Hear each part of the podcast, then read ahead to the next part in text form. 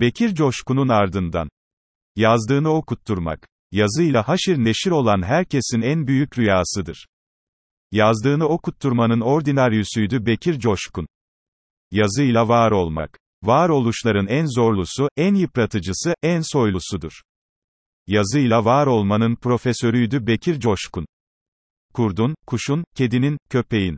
Yani sesi çıkmayanların sesi olmak. Mühim, çok mühim bir görevdir. Hayvan sevgisinde bayrağı ilk açandı Bekir Coşkun. Adil Gür için fetva lütfen.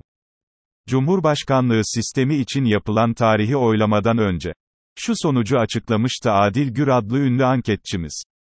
Evet %60.8, hayır %39.2, bu büyük fiyaskonun ardından. Bir anketçi olarak Adil Gür'ü defterimden silmiştim. O da zaten adını unutturmaya çalışmıştı uzun bir süre. Kafayı Kıbrıs seçimleriyle yeniden kaldırdı. Mustafa Akıncı'nın %60, Ersin Tatar'ın %40 alacağını söyledi. Ve bingo. Yine yanıldı. Yanılma oranı yine muazzamdı, yine destansıydı. Diyanet fetva hattını açıktan soruyorum. İki kere üst üste destansı yanılma oranlarıyla yanılan bir anketçinin bir daha anket yapması caiz midir? Şimdi sıra Biden'de. Akıncı kaybetti. Şahsım sevindi bu işe. Şimdi sırada aynı ekolü benimsemiş gibi duran Biden var. O da kaybederse şahsım pek sevinecek.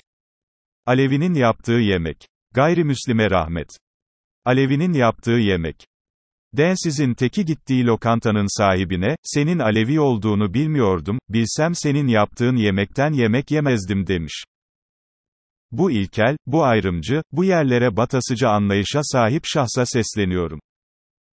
Ehil olmayanlara haramdır zaten o yemek. Sen bana getir o yemeği. Afiyetle, iştahla yerim ben Alevi'nin yaptığı yemeği. Michelin yıldızlı şeflerin elinden çıkmış gibi yerim ben Alevi'nin yaptığı yemeği. Gayrimüslime rahmet. Gayrimüslimler ölünce arkalarından rahmet dilenmezmiş. Hangi kitapta yazıyor bu anlayış?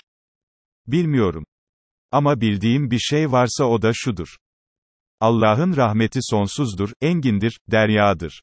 O rahmeti gayrimüslimlerden esirgemek, Allah'ın rahmetinin sonsuzluğuna yakışmaz. Ben dilerim. Hem de gani gani dilerim. Fatiha da okurum. Bunu yaptığım için Allah'ın beni cezalandıracağını bir salise bile aklımdan geçirmem. Allah'ın belası çapraz retro. İki gündür uyuyamıyorum. Tam dalacağım, başlıyor bende az sonra deprem olacakmış hissi. Tam uyku için yatıyorum, başlıyor, acaba korona olmuş muyumdur vesvesesi. Tam kafayı yastığa gömeceğim, başlıyor tıkırtılardan bile evhamlar üreten bir gerginlik. Nedir, ne oluyor falan derken. Bu muammanın sebebini Zeynep Turan isimli astroloğumuzun sosyal medyada paylaştığı kısacık bir mesajda buldum. Mesaj aynen şöyleydi. Gökyüzünde çapraz retro. Sanki bir şey olacakmış gerginliği verir. Uyutmaz. Hay Allah belanı versin senin evmi çapraz retro. Düş yakamdan düş. Uykuya hasret bıraktın kavim kardeşi. En güzel, nasıl başladı, nasıl gidiyor, paylaşımı. Önümden onlarca, nasıl başladı, nasıl gidiyor paylaşımları geçip gidiyor.